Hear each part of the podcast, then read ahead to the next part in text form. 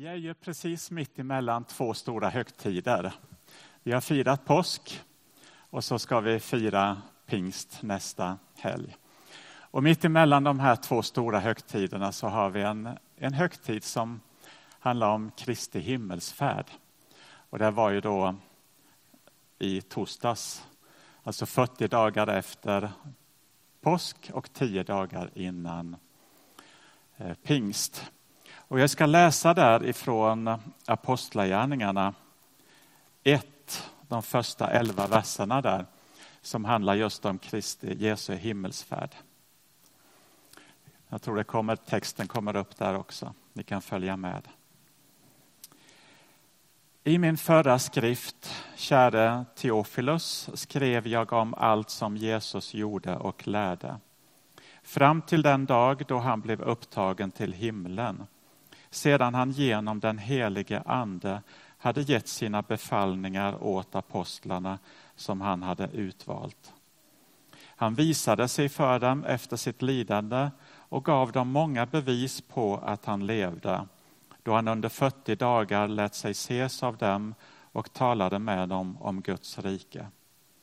Vid en måltid tillsammans med apostlarna befallde han dem, lämna inte Jerusalem, utan vänta på vad Fadern har utlovat, det som ni har hört av mig. Ty Johannes döpte med vatten, men ni skall om några dagar bli döpta i den heliga Ande. När de nu var samlade frågade de honom, Herre, är tiden nu inne för dig att återupprätta riket åt Israel? Han svarade dem, det är inte er sak att veta vilka tider eller stunder som Fadern i sin makt har fastställt. Men när den helige Ande kommer över er ska ni få kraft att bli mina vittnen i Jerusalem och i hela Judeen och Samarien och ända till jordens yttersta gräns. Då han hade sagt detta såg de hur han lyftes upp och ett moln tog honom ur deras åsyn. Medan de såg mot himlen dit han for upp, se, då stod två män i vita kläder hos dem. Och de sade, ni män från Galileen, varför står ni och ser mot himlen? Denne Jesus som har blivit upptagen från er till himlen, han ska komma igen på samma sätt som ni har sett honom fara upp till himlen. Jesus, vi tar och lägger den här gudstjänsten och ditt ord i dina händer, Herre. Och vi ber det här att ditt ord, Herre, ska få bli levande, tala till oss, uppmuntra oss, vägleda oss, Herre, att kunna bara få leva det liv som du har tänkt, Herre, och formas till den avbild som du vill att vi ska vara. I Jesu namn. Amen.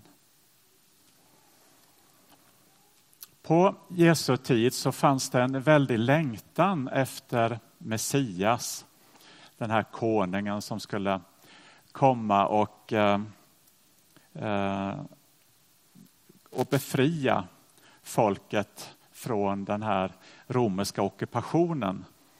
Eh, judarna levde ju i Israel, men under Jesu tid så var det ju romarna som hade ockuperat Israel och eh, de levde under det den förtrycket.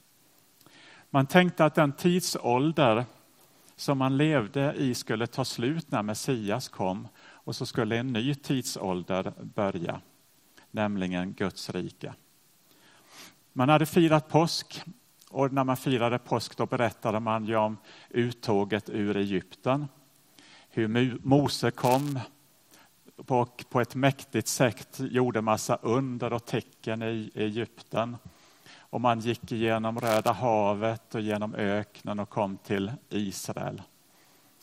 Och eh, pingsten som skulle komma, då tackar man Gud för att man hade, bodde i, i Israel och löfteslandet. Och man förväntade sig att när Messias kom då skulle det bli ungefär någon liknande upplevelse som uttåget ur Egypten att Messias skulle komma som kung och eh, befria folket på ett mäktigt sätt. Men lärjungarna här, de hade sett Jesus dött, vilket kanske var en liten besvikelse. Men sen så hade Jesus också uppstått och bevisat sig för att han levde på många sätt. Och sen så nu när han hade uppstått så började han tala om Guds rike. Och då är det inte konstigt att människorna, eller att lärjungarna ställer frågan, är nu tiden inne? Nu är det väl ändå tiden då att Jesus ska komma och upprätta sitt rike helt och hållet. Och så får de det tråkiga svaret, det är inte er sak att veta tider och stunder.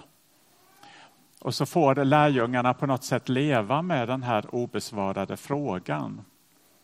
Eh, och det är också någonting som vi får leva med den obesvarade frågan, när? När Jesus kom och uppenbarade sig så var han annorlunda på ganska många olika sätt. Det var mycket som blev annorlunda och det blev inte som man hade förväntat sig. Jesus han kom inte med den här makten och myndigheten och befriade folket ifrån eh, den här ockupationen. Men han kom och upprättade ett nytt rike, men ett rike med fred. En annan sak som inte heller blev som man hade förväntat sig, det var i vilken tid Guds rike skulle upprättas. Ibland talar Jesus om att Guds rike är här, ibland att det, ska, att det är nära och ibland att det ska komma. Och dessutom lär han oss att be bönen låt ditt rike komma. Och lärjungarna blev inte som man hade tänkt sig. Jesus han dog, men sen uppstod han. Jesus far upp till himlen och så får man leva med löftet att han ska komma tillbaka på samma sätt. Och Det finns en, liksom en inneboende spänning här emellan nederlag och besvikelse och en seger och kraft och upprättelse. Och den här spänningen är någonting som eh, vi får leva med. Precis som judarna tänkte att det fanns två tidsåldrar. Det finns den här tidsåldern som vi lever i nu. Och sen när Jesus kommer tillbaka så finns det en annan tidsålder där han kommer med sitt rike. När Guds rike ska liksom ta över, avsluta det gamla och komma med det här nya med Guds rike. Och på ett sätt kan vi säga att Guds rike har kommit med Jesus. Men, är, men samtidigt så är inte den gamla tidsåldern över ännu. Allt som Guds rike innehåller finns tillgängligt för oss som lärjungar till Jesus. Men vi ser inte att allting är fullbordat ännu. Jesus har kallat oss att lägga händerna och be för de som är sjuka och de ska bli friska. Men vi ser inte att 100 procent av dem vi ber för blir friska. Rättfärdighet, frid och glädje finns tillgängligt i Guds rike, men det finns fortfarande upproriskhet, krig och depression i den värld vi lever i. I Jesus finns fullständig frihet, men vi lever fortfarande i en värld där djävulen slaktar själ och dödar. Vi lever i den gamla och den nya tidsåldern samtidigt. Och frågan är hur får vi det här att gå ihop? Och jag tänkte berätta det lite grann utifrån ett exempel som om Abraham. Det finns ett kapitel i Bibeln, Hebreerbrevet 11, som handlar om tron. Och sen när det förklarar lite vad tron är så tar den upp massa exempel ifrån Gamla testamentet på personligheter som har levt sina liv i tro. Och ett av dem är eh, Abraham. Först förklarade jag lite grann vad tron är. Tron är en övertygelse om det man hoppas. Här ser vi också den här dubbelheten. Övertygelse är ju någonting som vi helt och hållet har. Hoppas är ju någonting som man inte riktigt har. Det är en visshet om ting man inte ser. Visshet är någonting som man kan ha. Men det man inte ser är ju också någonting som man inte riktigt har. Så den här dubbelheten den finns i tron. Och den, den får vi leva med i våra liv också. Den här dubbelheten med de här två olika världarna eller tidsåldrarna. Det står i tron lydde Abraham när han blev kallad att dra ut till ett land som han skulle få i arv och han gav sig iväg utan att veta vart han skulle komma. På någonting sätt så är det också en trosvandring. Och det första steget för Abraham det var att lära sig att, att vandra. Att vandra i tro. Och det gjorde han i lydnad. Han visste att han skulle gå. Han visste väl riktningen. Men han visste inte hur det där landet såg ut. Men han gick. Sen står det att i tron levde han i löfteslandet som i ett främmande land. Nu hade han kommit fram, han var i landet som han skulle få i arv. Han levde där, men samtidigt så levde han där som en främling. Sen kommer någonting som man kan uppleva som kanske lite deprimerande. I tron dog alla dessa utan att ha fått det som var utlovat. Det, antingen så, så kanske man blir deprimerad av det, eller så gör man som eh, Abraham. Men de hade sett det i fjärran, hälsat det och bekänt sig vara gäster och främlingar på jorden. Men nu längtar de till ett bättre land, det himmelska. Han gick i löfteslandet, landet som han hade fått, lovat att det här var hans. Ändå så kände han sig där som en främling. Och han hade sett att det var inte det här landet som var hans eh, mål eller mening med livet. Han hade sett att det fanns ett annat land. Och därför så kunde han gå i löfteslandet och liksom bekänna att det är inte här jag ska rota mig, utan jag, jag är en pilgrim här. Jag vandrar mot ett annat land. Och det gav honom kraft och styrka. I Romarbrevet 4 så står det att Abraham tvivlade inte i otro på Guds löfte utan blev istället starkare i tron och gav Gud äran, fullt övertygad om vad Gud har lovat var han också mäktig att hålla. Och Det är fantastiskt att få leva med ändå med det att vad Gud har lovat, det är han också mäktig att hålla. Guds löften gäller. Guds ord gäller. Allt vad Gud har lovat, det kommer att uppfyllas. Det kommer att ske. Men lärjungarnas fråga bränner också hos oss. När? När ska vi få se det? När ska vi få uppleva det hela? Och Jesus svarar att det inte är vår sak. Och det är lite jobbigt att leva med. Naturligtvis får vi se en del löften som Gud ger uppfyllas. En del blir helande. En del, så att mycket får vi uppleva, men vi får inte se det till fullo. Och det är ju det vi längtar efter, att få se det här uppfyllt helt och hållet till fullo. När ska det ske? Det är inte er sak. Och Det kan vara svårt att leva med löften som man inte riktigt får. Barn de är ju sådär omedelbara. Säger man någonting så kan man inte säga det att det ska ske om tio år, utan det är nu det måste hända. De har inte det här perspektivet. Men Abraham står att han blev starkare i tron genom att lita på det Gud har lovat kommer att ske. Och där, han, jag vet inte, det står inte att han brottades med när.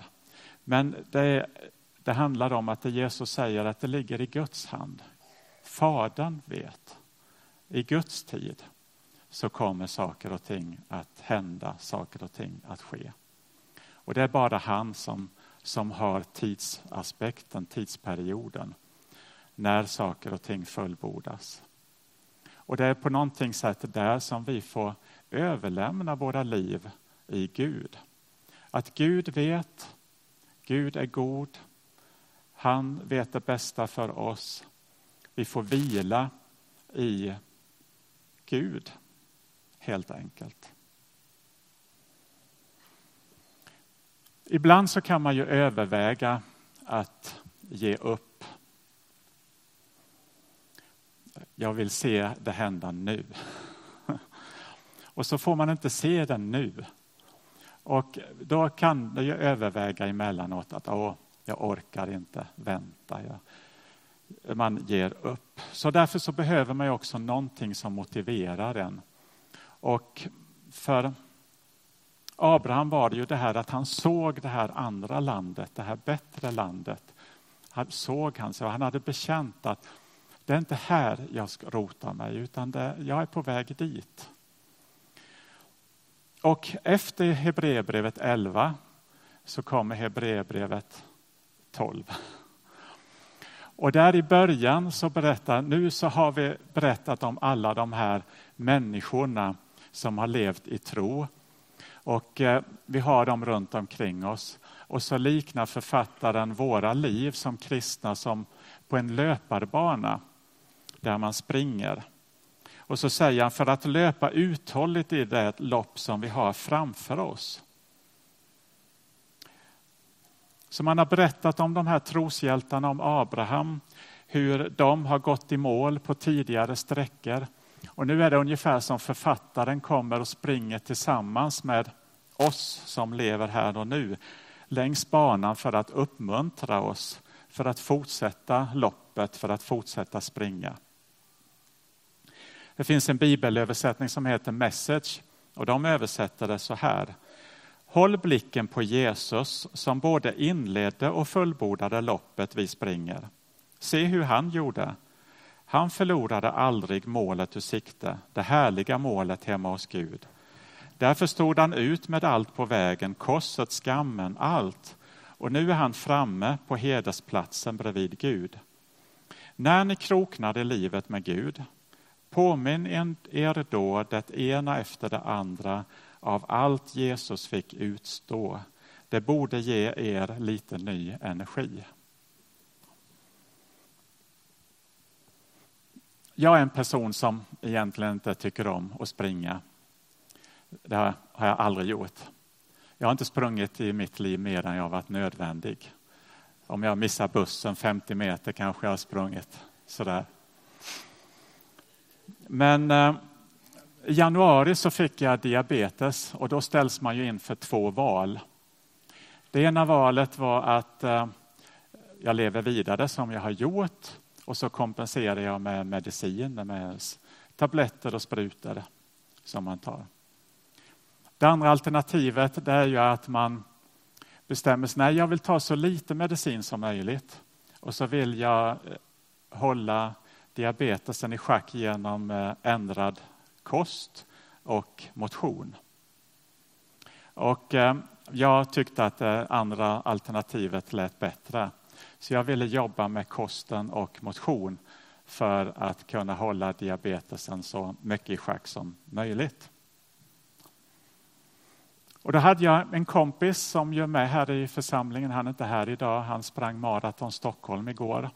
Mattias Heimdal på tre timmar och 13 minuter. Jag fattar inte hur, men han klarar av det.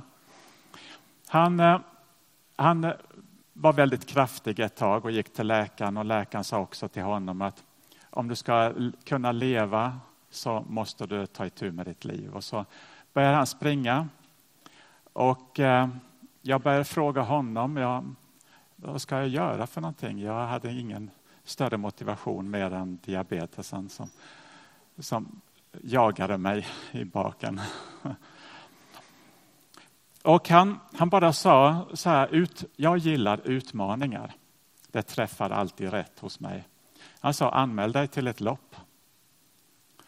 Så att eh, jag gjorde det. Jag anmälde mig till Broloppet här 21 september. Jag ska springa bara fem kilometers loppet. Det är fullt tillräckligt för mig. Och om jag får gå lite spelar ingen roll, men jag ska klara av det i alla fall. Och utan att eh, förbereda mig så bara gick jag ut och började springa. Jag lyckades springa tre minuter och efter det var jag helt slut. Jag trodde jag skulle spotta blod. Och eh, här i veckan så läste jag i Ordspråksboken 19 och 2, den som rusar iväg missar målet. Och eh, det gjorde jag verkligen. Jag var tvungen att för, för, lära mig att ja, men jag måste hitta mitt tempo. Det som passar mig. Jag måste hitta den puls som jag klarar av att syresätta mitt blod och, så att jag klarar av att springa lite längre än tre minuter. Och när jag hittade mitt tempo, då gick det mycket lättare. En annan sak som är jobbig är också att man måste ha disciplin. Man måste träna två, tre gånger i veckan. Och det är ju alltid mycket ursäkter. Man kan hitta så mycket andra saker som är viktiga just då. Men ska man klara det, så ha ett mål och klara det så finns, måste man faktiskt bli disciplinera sig och träna. Och sen märker man, ja man blir lite bättre och, och man sakta men säkert så når man lite närmare målet. De lärdomar som man kan dra där är ju att man måste lära sig. Man kan inte bara rusa iväg, man måste lära sig. Och man måste träna för att nå ett mål. Och samtidigt så måste man också hitta, jag har mitt eget lopp. Jag kan inte jämföra mig med Mattias eller med någon annan. Utan jag måste springa mitt lopp och jag måste göra det i mitt tempo. Jesus sa att han hade sprungit loppet, det lopp som vi ska springa och han kom i mål. Han är vårt exempel och han, det är han som motiverar oss att gå vidare. Och där säger han ett par saker. Dels så handlar det om att befria sig från det som eh, vill snärja oss. Det som vill, och det handlar om synden. På den där tiden så gick inte männen klädda i byxor som vi gör. Det var underkläder. Utan de gick med, eh, man kallar det inte kjolar eller klänningar, men, eller med mantlar med tyg.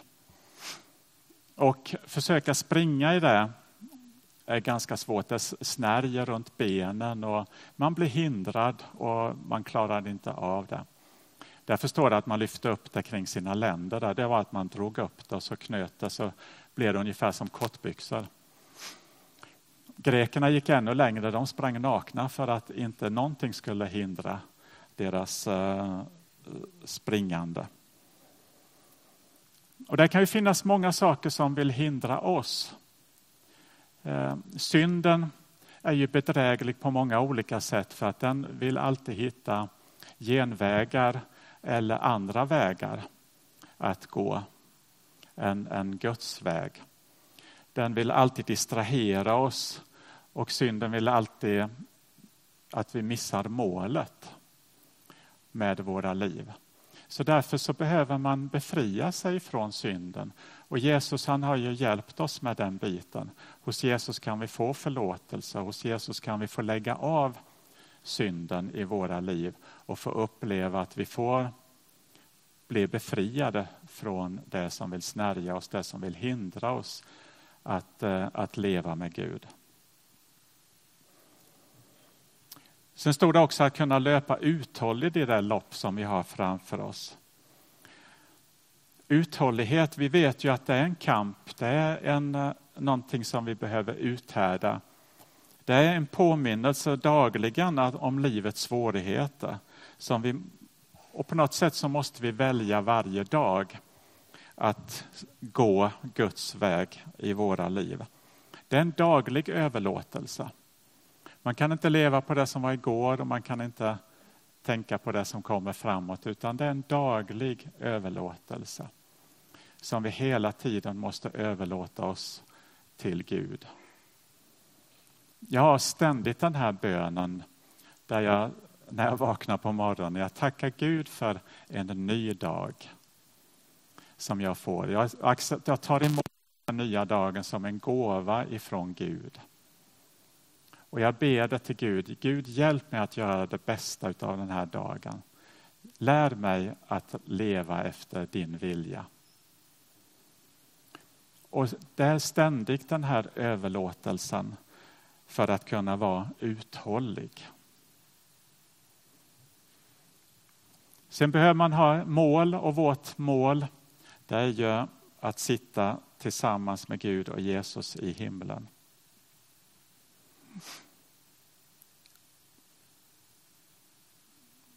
Men vad är då vägen? Vilken väg är det vi ska springa eller gå? Och Jesus säger ju att jag, Jesus säger jag är vägen, sanningen och livet. Det är Jesus själv som är vägen. Det är inte vår prestation, utan det är vad Jesus har gjort för oss. Och på grund av vad Jesus har gjort för oss så kan alla människor nå målet. Det är ingenting som, ja, för oss är det omöjligt, men med Jesus så är det möjligt. Vad Gud har lovat är han mäktig att hålla. I den här texten så får lärjungarna två löften. Det ena är änglarna som kommer. De säger att Jesus ska komma tillbaka precis på samma sätt som ni såg honom fara upp. Vi väntar fortfarande på Jesu återkomst när han fullständigt ska komma och upprätta Guds rike här på jorden. Och nästa gång han kommer så ska han verkligen göra det som en världshärskare, för det är vad han är. Han har vunnit segern över döden och över allting. Och där ska han fullkomligt upprätta sitt rike. Det andra löftet det var Jesus som sa, vänta på vad Fadern har lovat. Och tio dagar senare vid pingst så vet vi att då fick de uppleva löftet om den heliga ande. Och den heliga ande är som ett förskott på arvet. Och man kanske kan se Abrahams vandring på det sättet. Han fick ett löftesland Israel här på jorden. Det var liksom ett förskott på och det var ett löftesland. Det var, inget, det var inget land som han hade kämpat sig till eller tagit med, med uh, militär kraft eller någonting, utan det var ett, ett, uh, någonting som han hade fått från Gud, ett löfte.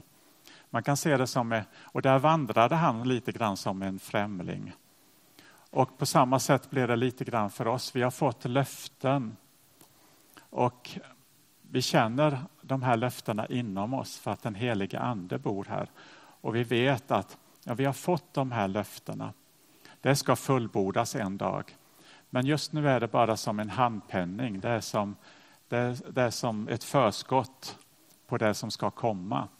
Så vi har någonting fantastiskt att se fram emot. Sen plötsligt står änglarna där och säger, varför står ni och ser mot himlen? Som, som Jesu lärjungar är vi inte kallade till att passivt stå och vänta på bättre tider eller vänta på att Jesus ska komma tillbaka. Och vår ställning är inte att stå och titta uppåt. Utan han har kallat oss att vara Guds rikes agenter i den tid vi lever i. Han uppmanar oss att be låt ditt rike komma. Och vi kan faktiskt själva vara en del av det bönesvaret. Det finns två diken att leva i de här två tidsåldrarna. Det ena diket är om vi fastnar och bara ser redan nu. Alltså nu har vi alltingen i Jesus Kristus. Risken där är att vi får en skev världsbild och risken är att vi lägger för stora ideal på oss själva och andra som vi inte klarar att leva upp till. Och när inte det uteblivna undret sker så upplever jag att vi måste ge en förklaring på det. Antingen har den vi ber för för liten tro eller för massa olika saker som vi upplever att vi måste ha svar på. Det blir en för högt ideal Ehm, som vi inte klarar av att leva upp till. Det andra diket är att vi fastnar i att bara se men ännu inte fullt ut. Och då missar vi att leva i Guds löften här och nu och livet blir istället bara en väntan på det som ska komma. Vi väntar på Gud och vi ja, vill inte ta de löften och de på, till oss som Gud vill ändå att vi ska söka. Men för att fungera på ett bra sätt som lärjungar till Jesus så behöver vi leva med båda dessa perspektiven. Även om vi känner den här spänningen och även om vi inte förstår allt så behöver vi ändå lära oss att leva med det. Jesus vill använda dig och mig som aktiva agenter för hans rike som genom våra liv, ord och handlingar gestaltar och utbreder Guds rike här. Han har kallat oss att genom allt vad vi är och gör leva ut bönen. Låt ditt rike komma. Undrar du hur riket ser ut? Se på Jesus, hur han levde, vad han gjorde och hur han handlade, behandlade människor. Undrar du hur riket låter? Lyssna på Jesus. Undrar du hur medborgarna i det riket är kallade att leva? Se på korset där Jesus frivilligt gav sitt liv för de som mördade honom. Den här världen är i desperat behov av det riket, den är i desperat behov av Jesus. Låt ditt rike komma.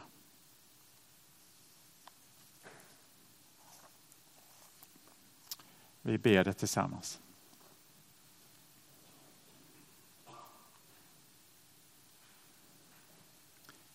Jesus, vi tackar dig Herre att vi får se på dig. Du märker att i, i oss själva så klarar vi inte så mycket Herre. Men tack Herre att vi får se på dig. Du som är vår frälsare, du som är vår konung. Tack att du ser det lopp som vi har, var och en av oss, att vandra. Vi har vårt eget lopp. Tack att vi får göra det i vårt eget tempo, Herre. Och tack att vi också får göra det att med dig. Du har sagt att du ska gå med oss alla dagar in till tidens ände. Tack att du finns där alltid vid vår sida, Herre. Ge den kraft, den styrka, den motivation vi behöver, Herre, för varje dag. Tack Herre att du kommer till oss, Herre, och möter oss just den här dagen. Tack att vi får komma till dig, Herre, och befria oss från det som vill hindra oss, Herre, att vandra din väg i våra liv, Herre. Tack att vi får lägga av oss våra synder, Herre, lägga av oss allt det som vill distrahera oss och leda oss in på andra vägar, Herre. Och tack Herre att vi får ha det här målet att sitta tillsammans med dig och Gud, Herre, i din himmel. Herre. Tack att vi får lägga våra liv, Herre, i dina händer och veta att du bär oss. I Jesu namn. Amen.